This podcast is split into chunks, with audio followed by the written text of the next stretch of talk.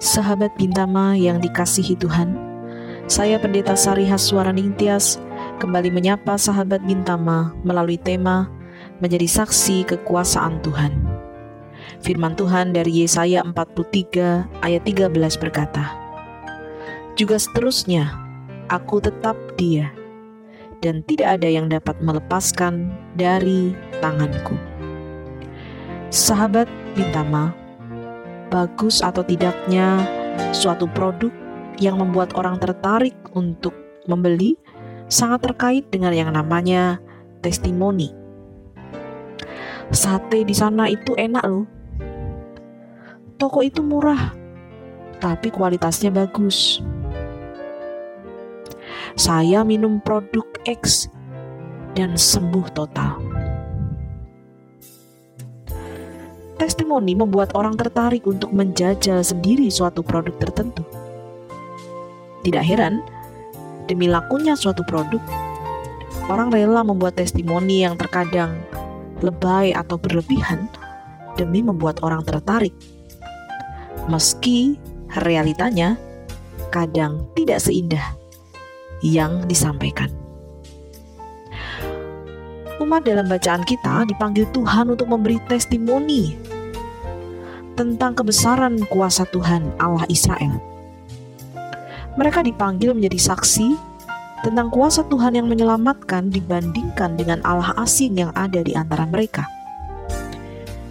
Dengan gamblang Tuhan meyakinkan umat untuk terus menjadi saksi dan menyatakan bahwa Dialah Allah yang untuk seterusnya adalah Allah yang berkuasa panggilan untuk menjadi saksi kebesaran kuasa Allah itu memang masih nampak kabur. Oleh karena umat sedang ada dalam pembuangan. Di sinilah Allah meyakinkan umat akan kuasanya yang tetap nyata dalam situasi pembuangan yang berat dan tidak mudah dihadapi.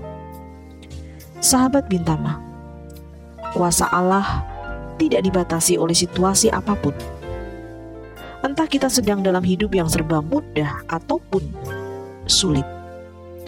Di sana Allah tetap menyatakan kuasanya. Menjadi saksi kuasa Tuhan haruslah utuh. Bahwa Tuhan kita memang berkuasa. Tidak melulu dalam keadaan baik, tetapi juga dalam keadaan yang masih diselubungi pergumulan. Tidak perlu membuat testimoni tentang kuasa Allah yang seakan-akan instan menghapus beban kehidupan tidak.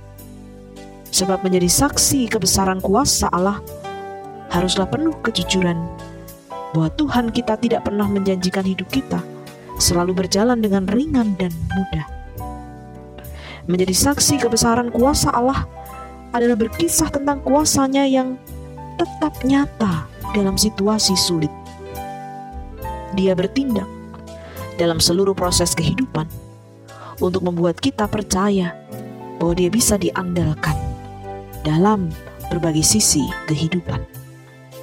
Selamat menjadi saksi kekuasaan Tuhan dalam segala keadaan.